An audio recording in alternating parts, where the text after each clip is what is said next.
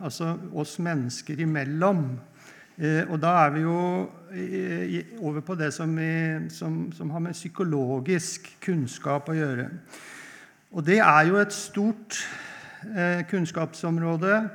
Og det er slett ikke lett å tilegne seg dette her. Men man kan jo eh, lese, studere, jobbe med det, så kanskje noen ting etter hvert kommer på plass.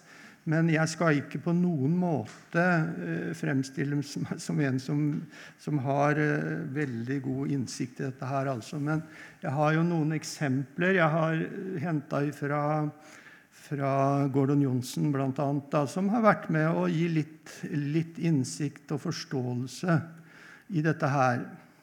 Fordi dette med lengselen som er retta mot Gud, og som, som, har Han som objekt, den er jo også sånn at den eh, har eh, også eh, relevans oss mennesker imellom. Og hva lengter vi etter? Det er jo noe som er veldig aktuelt i møte med mennesker som er skuffa over livet. Skuffa over sånn som det har gått. Skuffa over ekteskapet, f.eks. Det er bare én side. Skuffa over foreldrene sine, skuffa over jobben, skuffa over så mange, mange ting. Og det er nettopp sånn at eh, det sier noe om hva vi faktisk lengter etter. Eh, det er en innfallsvinkel i forhold til det. Eh, ja? Vi er skapt også til samfunn, skapt på samfunnet Gud. Det er mm. Gud. Vi er skapt samfunn med hverandre. Mm. Slik at denne sosiale lengsel etter å, å, ha et nærhet og ha Ikke bare med ektefeller, men også med andre mennesker. Det er vi skapt til. Ja, derfor, derfor, er det naturlig at det er et behov for mennesket ja. å leve i samfunn med hverandre. Ja, og Derfor så er det også riktig eh, eh at eh, denne skuffelsen er faktisk eh, eh, reell. Eller det, det, er ikke det at det er noe feil med den. Altså, i et ekteskap eksempel, så lengter man etter kjærlighet. Og det er, det er rett, det. Det er, sånn, eh, det er sånn det, Gud vil at det skal være. Og hvis dette her eh, ikke eh, blir sånn, så er det klart da, da er det en skuffelse, en sorg, som er en, en god reaksjon, en rett reaksjon. Men det er sånne ting som er viktig å være bevisst når vi skal snakke med folk. Altså, De kommer med sin historie, og så er det ikke sikkert det er dette de er bevisst. egentlig. Hva er det som har gått galt? Hvorfor er det blitt sånn? Jo, og så må vi begynne å stille spørsmål. Skal vi hjelpe dem til å bli bevisst. Jo, det er noe med lengselen. Jeg lengter etter noe som jeg aldri har fått i mitt ekteskap eller i hjemmet der jeg vokste opp. Dette her er helt grunnleggende ting å være oppmerksom på. Når det gjelder dette her med nærhet og kontakt Det er jo veldig aktuelt i forhold til foreldre og barn. Og det er sånn at I et hjem så er mor og far i Guds sted overfor barna. De har en veldig viktig og sterk rolle i forhold til barna. Og dette med mangel på kjærlighet, omsorg, trygghet Bare dette her med opplevelsen av å være verdifull det å få lov å sitte på fanget til mamma og pappa og bli holdt rundt og så merke at eh, de er glad i meg bare fordi jeg er den jeg er, ikke fordi at jeg har prestert noe. Og Det er jo dette som kan bli så feil i mange hjem. altså at Hvis du er snill og osv., så sånn, ja, så er du verdifull. Men hvis du ikke er det, og ikke lever opp til et eller annet ideal eller forventninger hos foreldrene, så er du verdiløs. Et forferdelig situasjon for et lite barn, en som vokser opp i et sånt hjem. Og eh, Der hvor dette blir galt, så kan det føre til sykdom i sinnet, personlighetsforstyrrelser. Det er ikke bare kroppen som skal vokse hos oss mennesker. Men sinnet Vi skal utvikles som menneske. Og så er disse tingene her helt grunnleggende, og særlig da akkurat dette med kjærlighet, omsorg, trygghet, det å oppleve å være verdifull. Nærhet og kjærlighet, det er det andre. Det er sånn at eh, når man vokser opp, så er det noe som er naturlig.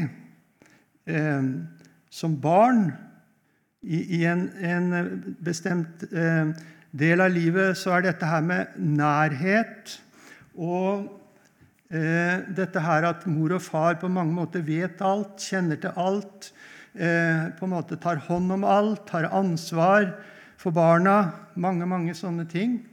Det er helt naturlig og riktig. Men samtidig så er det jo sånn at det, det å vokse til som menneske, det handler jo også om andre ting. Eh, eh, skal vi se eh, Det handler også om det å kunne ha, eh, gi barnet muligheten til å utvikle selvstendighet, til å ta ansvar, til å på en måte få oppleve sin verdi gjennom det at du blir respektert for den du er, og for å kunne få utvikle deg som menneske. Det er ikke naturlig at mor og far skal bestemme hele veien, altså videre. Det er noe med en, en, en, et samspill mellom disse tingene. Eh,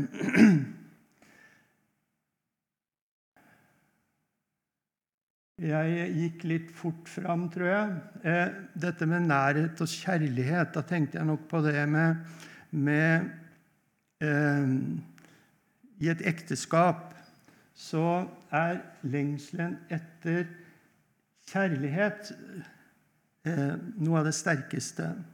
Eh, det er ikke sånn at eh, eh, liksom Hvis mange av de andre tingene er på plass eh, så er liksom alt greit. Alt er eh, riktig. Der hvor kjærligheten mangler, så er jo eh, det vesentligste og det sterkeste og det viktigste eh, Da mangler det. Vi kan fungere sammen på mange måter, sånn at det går greit på en måte. Men når kjærligheten mangler, så er det allikevel et rop, et skrik, etter dette i ektefellen. Gordon Johnsen eh, har et eksempel i denne boka om denne bondekona som kom på kontoret hans. Og eh, Han kjente henne veldig godt. Han har vært der tidligere og sett at hun ble gift med en, eh, med en mann oppe i en av dalene. Han hadde en stor, fin gård, og, og han tenkte at, at, de hadde det vel, veldig flott.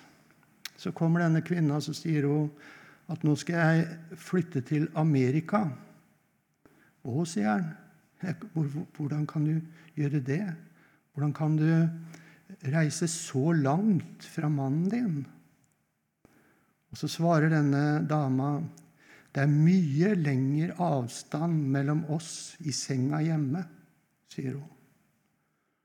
Sånn kan det bli i et ekteskap, hvor nettopp dette med nærhet og kjærlighet er blitt borte. Jeg tror det er mye av det også i vår tid. Og at det er noe, en av de tingene som vi, som vi nok møter. Og da kom det litt i en annen rekkefølge enn jeg hadde tenkt. Men nettopp dette her med eiementalitet, da, som jeg var litt inne på Det at foreldre skal eie barna sine.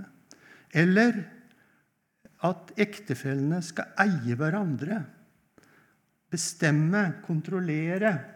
Altså Mangel på den kjærlighet og omsorg som gir muligheten til selvstendighet, modning og egenverdi.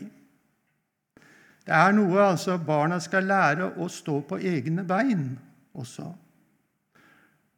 Da sier jeg ikke det at eh, dette med veiledning, råd, hjelp på så mange måter altså, Det er ikke det jeg sier at det ikke skal kunne være der, men jeg sier at det å skulle eie og kontrollere og bestemme og ta fra barna sin selvstendighet, mulighet til egen modning og egenverdi, det blir helt feil.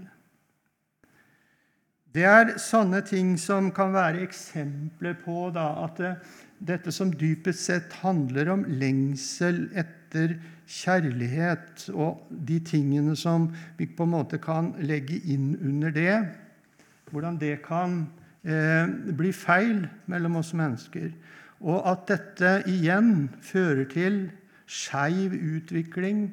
Det kan sette sår, skader. Det kan gjøre at det, det seinere oppstår eh, personlighetsforstyrrelser eller eh, depresjon, psykiske lidelser. Det er veldig mange eksempler på det. Når vi begynner å eh, undersøke litt dypere, begynner å få historien til et menneske, eh, sånn at det begynner å avdekkes hva er det som har skjedd, så oppdager vi at det kan være sånne ting.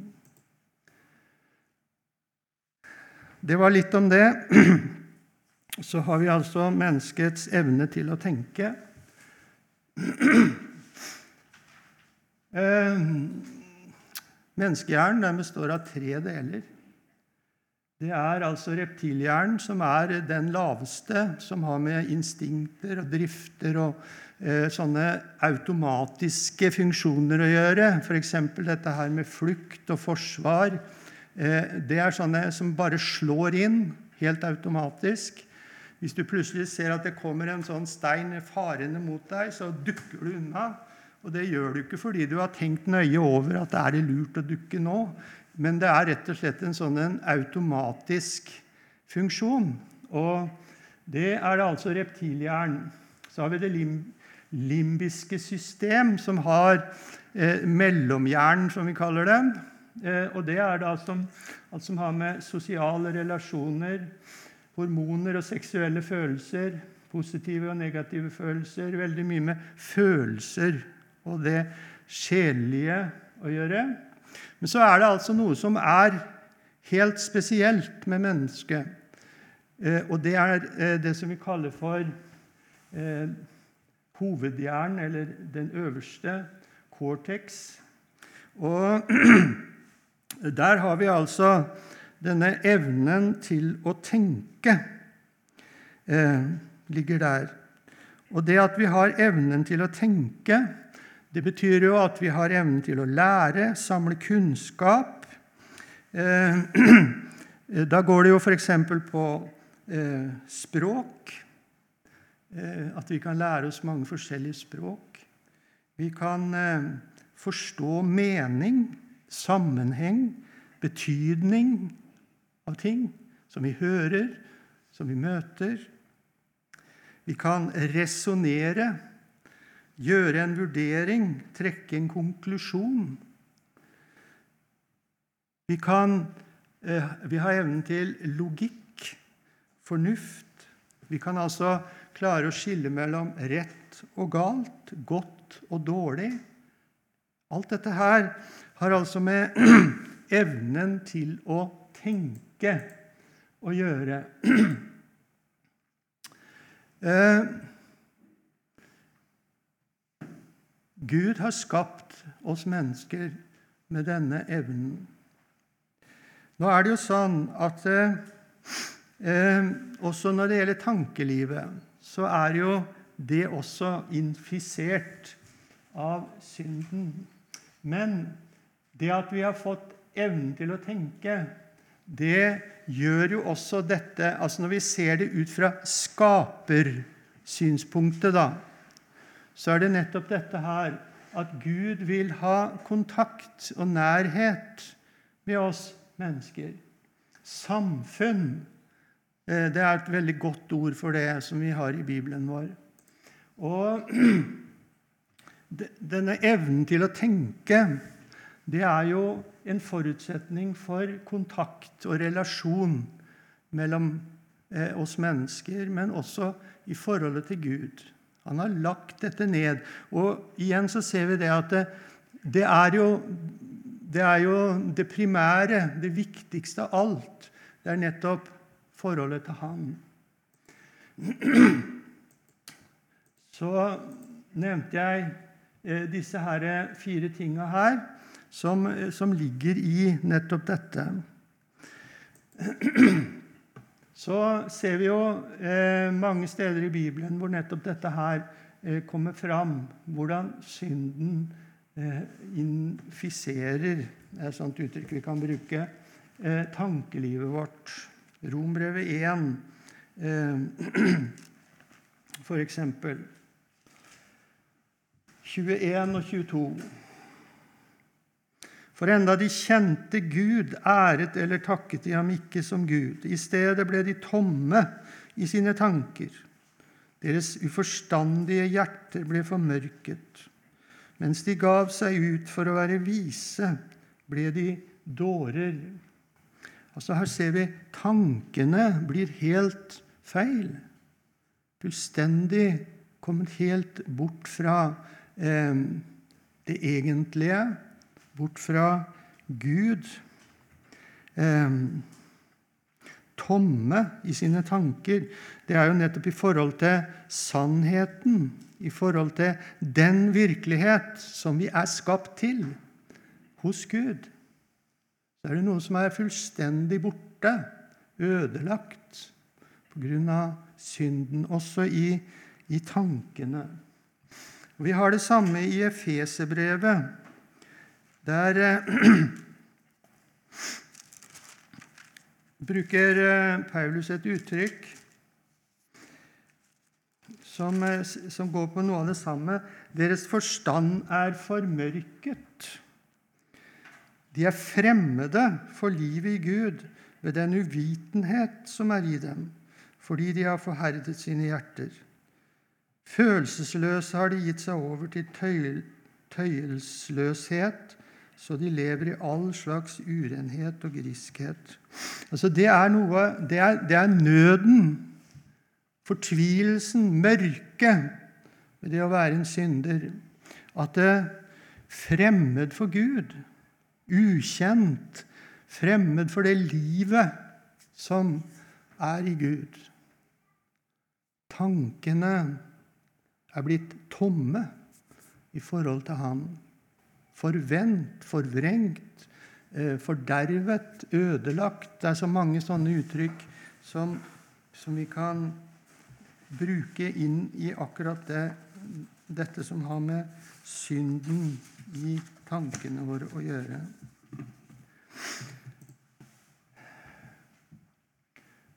De har blitt syke, kan vi jo Når vi tenker på sykdom, så blir det på en litt annen måte. men det er noe som er galt.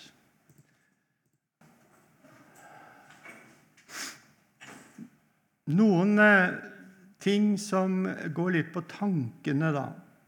Eh, hele tiden så er det jo sånn at i sjelesorg så handler det veldig, veldig mye om akkurat dette med tanker. Møte menneskenes tanker. Eh, hva, hva, hva, hva er det som befinner seg der? Hva tenker de? Om seg selv. Eh, det å være en synder. Er det sånn at eh, det å stjele, lyve, baktale eh, Mange sånne konkrete ting kunne vi nevne. Som er synd. Er det sånn at det, hvis vi får folk til å slutte med det, så er problemet løst. Er det sånn? La oss si at det kommer en til oss som, som forteller at han, han, stjeler. Så kan vi jo veldig fort si ja, men det må du slutte med. Du kan ikke holde på sånn. Og det er jo sant. Men er dermed problemet løst? Det, å, eh, det med synden, det handler om motiver og årsaker som ligger mye dypere. Og disse må regnes med om synden skal forstås rett. Det ubevisste må gjøres bevisst. Våre følelser og handlinger kommer fra eller styres av mer eller mindre ubevisste forestillinger og motiver også i tankeverden. Synden den er i tankene, og dermed så, så er det sånn at eh, det styrer også i livet vårt. Altså handlingene kommer fra det som befinner seg på innsiden. Og det er der hovedproblemet ligger.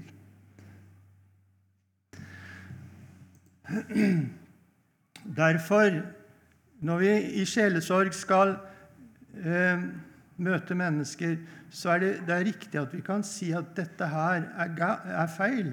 Dette her, eh, Sånn kan du ikke gjøre. Men samtidig så handler det altså hele tiden om, om å bli bevisst det ubevisste. Det som finnes der på grunn av synden. Syndige handlinger har sin kilde i ubevisste overbevisninger og motivasjoner.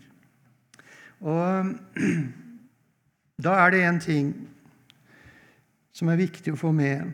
Dersom vi ikke lærer oss å avsløre og håndtere disse dyptvirkende krefter i mennesket, så kommer vi som kristne til kun å foreta overflatiske justeringer i menneskenes liv. Og så blir det bare det.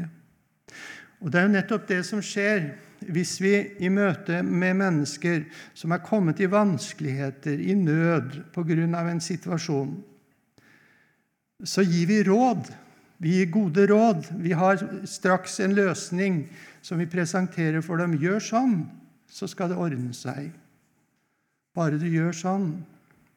Så kan vi på den måten foreta en endring det som kalles her for overfladiske justeringer i et menneskes liv, uten at det blir en varig og virkelig løsning. I sjelesorgen så er det jo ikke sånn at vi bare ønsker å foreta overfladiske justeringer. Vi møter mennesker som vi vil noe dypere og mer At de skal bli bevisst at de er syndere, og hva det innebærer i livet deres. De onde og ødeleggende krefter i dypet av menneskets sinn.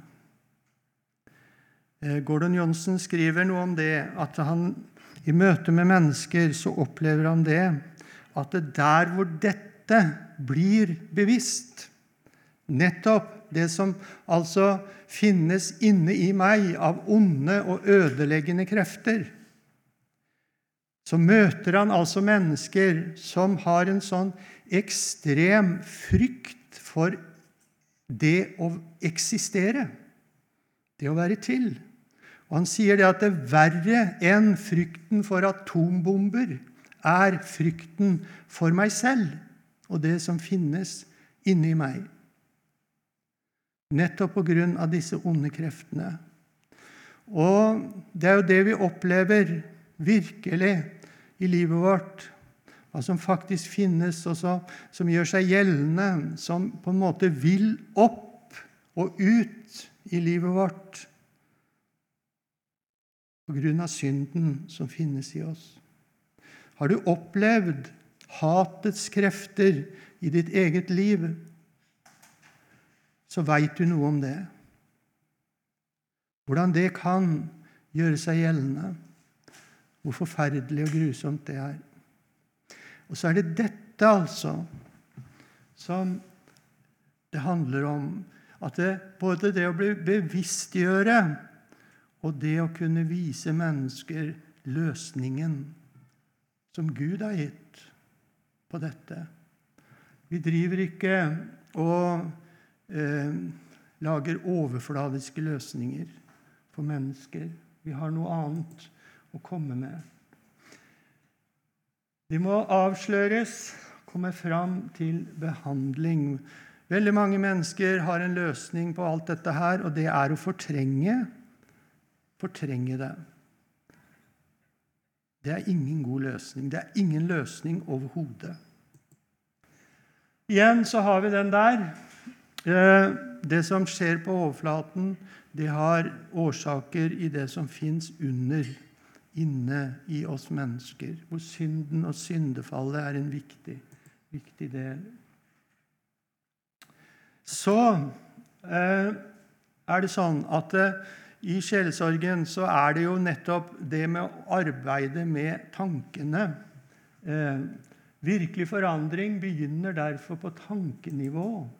Eh, Paulus skriver om dette her i Kolossebrevet, noe han ber om, og, og som virkelig er et, er et stort, stort mål for oss mennesker, særlig da for de kristne, som han skriver til her. Men, men, hele tiden så handler jo nettopp om dette her å formidle og gi kunnskap. Eh, de rette tanker, forstand og alt dette som har med tankeliv å gjøre. Og Her har vi dette i eh, eh, siste del av det verset. Vi ber om at dere må bli fylt med kunnskap om Guds vilje i all åndelig visdom og forstand. Også i møte med kristne mennesker, i sjelesorgen, så møter vi jo hele tiden dette at det, det er så mye, så mye, så mye som mangler. Det er så mye mer kunnskap om Guds vilje. Det betyr jo ikke bare budene, men det betyr jo alt Guds eh, eh råd og Guds vilje og, og Guds ord. Eh, og Så bruker han et uttrykk der som er viktig i all åndelig visdom og forstand. Det betyr altså en åpenbaring inn i dette her. Og det er noe vi skal være med på å formidle. Eh, så trenger vi det for oss selv, ikke minst. Det er en bønn jeg ber stadig, vedvarende, dette her. At jeg må bli fylt av kunnskap om Guds vilje. Fordi du opplever hele tiden at eh, egentlig så er jeg så fremmed, så ukjent med Gud, med Guds vilje, med alt som har med Guds rike å gjøre. Så kan vi be om det. Vi som sjelsørgere trenger det. Eh, så vi, skal vi ha noe å formidle, noe å dele med andre, noe å gi, så trenger vi det først å få det sjøl. Så det er På den måten så kan vi få ny kunnskap, nye tanker om Gud. Ja, men alt, ikke sant? Hele denne store virkelighet som vi møter i Guds ord. Ny forståelse, ny tro. Og du har det evige livs ord, sier jo Peter om Jesus. Og sånn er det med dette. Eh, I sjelesorgen så er det jo en kamp, fordi at eh, det handler om to ting, som Paulus skriver om her i eh, andre Korinterbrev 10 og vers 5. Vi møter mennesker som har feil tanker, hvor det er ting som slettes ikke er verken sunt eller sant eller rett. Eh, villfarelse. Og her skriver jo Paulus også til dette her med disse som kommer med vrang og falsk lære. og Det er, det er nettopp slike ting som vi også møter, at mennesker har fått eh, blitt påvirket av det. Og Da sier han det sånn idet vi river ned tankebygninger og enhver høyde som reiser seg mot kunnskapen om Gud, og tar enhver tanke til fange under lydigheten mot Kristus. Altså fra det som er vrangt og falskt, og til det som er rett, det som er Guds, Guds ord. Så ser vi det at eh, Skriften ofte appellerer til vår tanke. Altså at det er en viktig del av dette. At vi faktisk har denne evnen til å tenke Vet dere ikke? Vi vet, for vi vet, skriver Paulus bl.a. i Rombrevet 6. Eh, så har vi også noen ting om, eh, som går igjen litt mer på det allmenne plan. da. Hvilke overbevisninger har vi? Overbevisning det er noe veldig sterkt. Jeg har brukt dette ordet programmering. Altså noe som ligger der til grunn for vår tenkning, noe som ligger dypere hos oss, noe som skapes, eh, og som, som styrer. Øyvind Andersen han, han det, sier det sånn at eh, overbevisning det er ikke noe du har, men det er noe som har deg. Altså, Den er så sterk at den er bestemmende for oss. Hvorfor tenker vi som vi gjør? Vi har jo sånne uttrykk, ikke sant? Det mener jeg. Det tror, jeg tror nå det, og det er jeg sikker på, og det synes jeg også. Og så har du dette her. Ja, men hvorfor mener du det? Det er så mange mennesker som er så sikre på at det jeg mener, er riktig. Og så er det liksom helt uaktuelt å ta inn over seg og, og, og, høre Kan det være annerledes? Tar jeg feil? Så har du dette også. Det, det er veldig aktuelt inn i sjelsorgen. Vi møter mennesker, og så har de sin mening, og så har de sine tanker. Og så, og så skal vi altså stille spørsmålet Ja, hvorfor det? Så kan vi få en en beretning. ikke sant? Da kan vi starte en samtale. Paulus skriver her i 1. Tessaloniker 1,5 da, da taler han om dette her med at det er Guds ord Altså, hvorfor tenker vi som vi gjør? Og Da sier han det at det Guds ord, eh, evangeliet, kom til dere ikke bare i ord, men også i kraft og i Den hellige ånd og med overbevisning. Og det er jo det vi skal, Gjennom Guds ord så skapes det en overbevisning.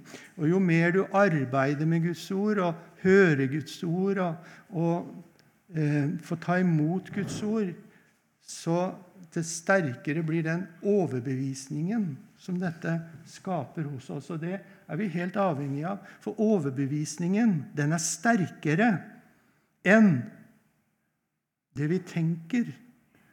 Altså, det ligger dypere hos oss mennesker. Det styrer på en helt annen måte. Og særlig da i forhold til eh, hva vi velger, hva vi gjør, eh, handlinger i livet vårt. Hvilken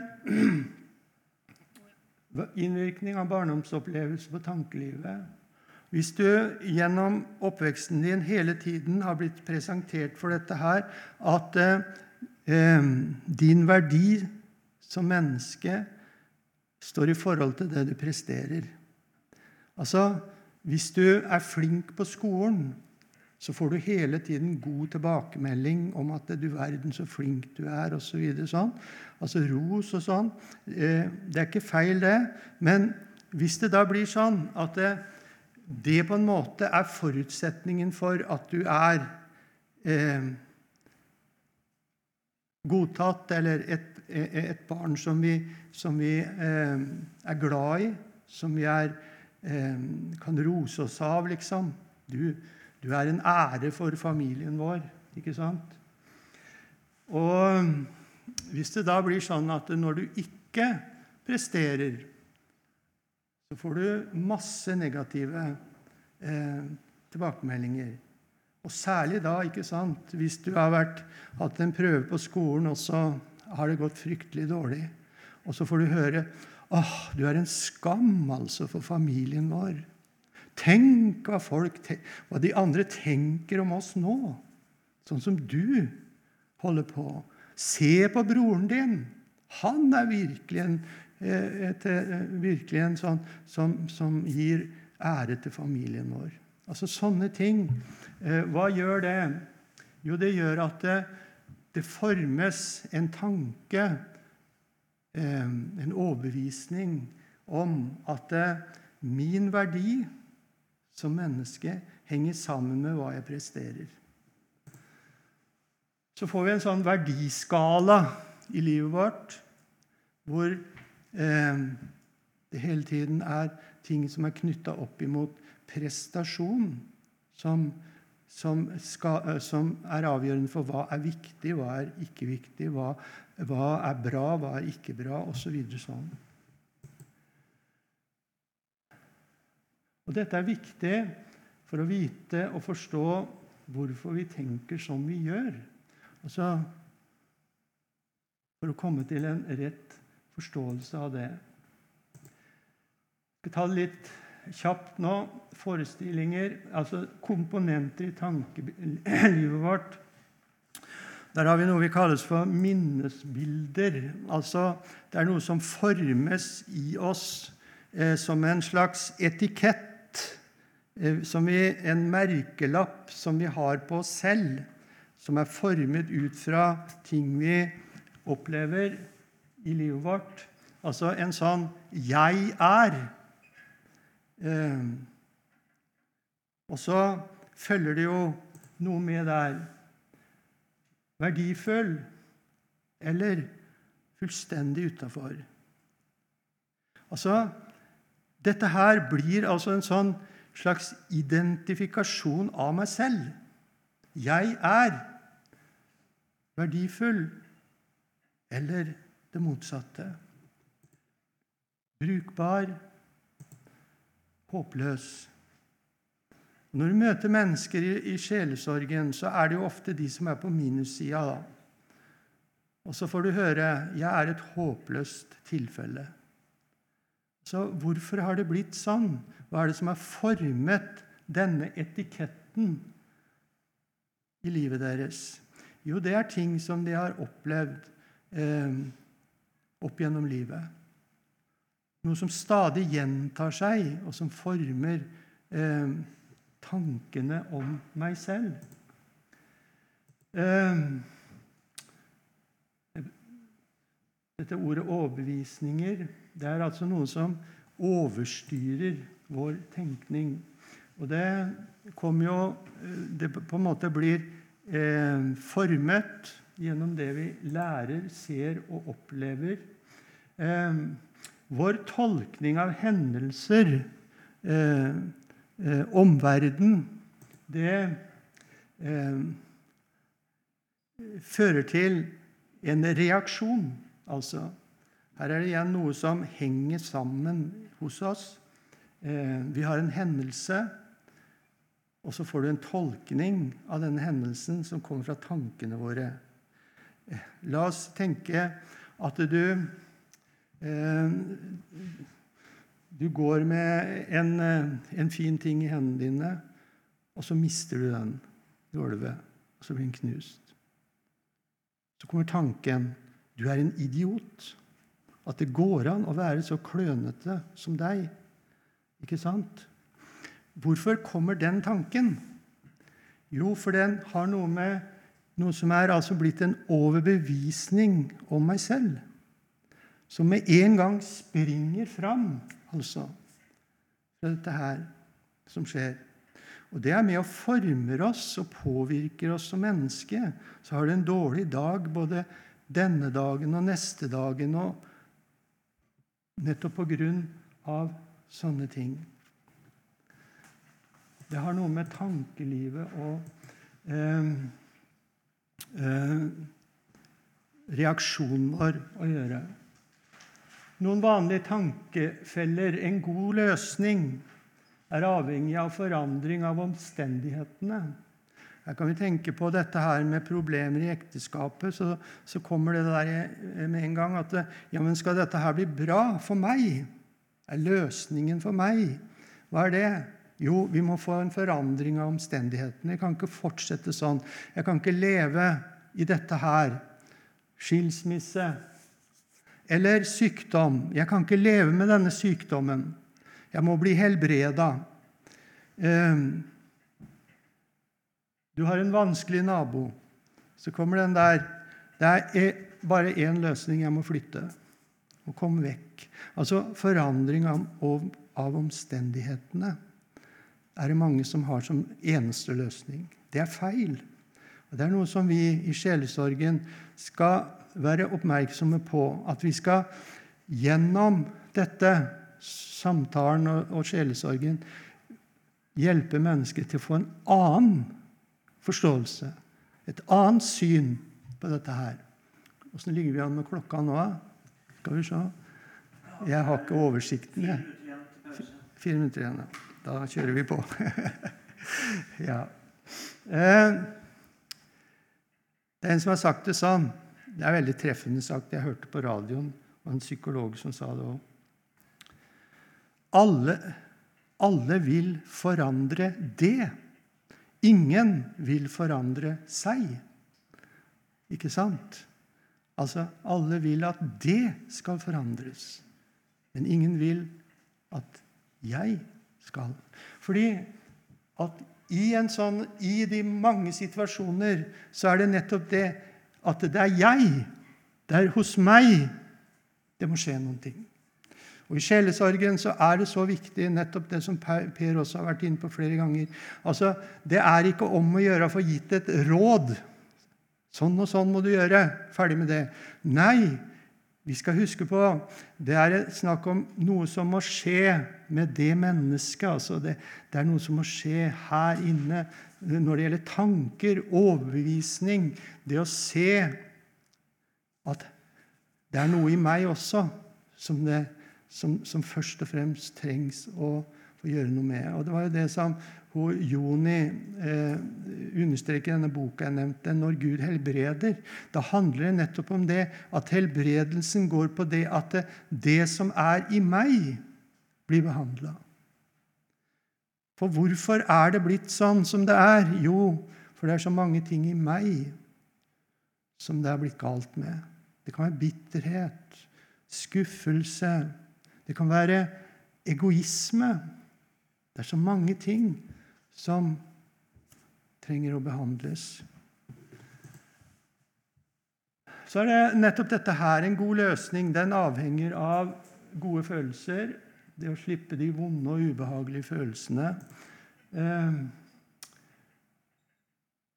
det er et sitat fra han som var kursleder på, på KRIS. Alle våre følelser er verdifulle, også de smertefulle. Tenk på det.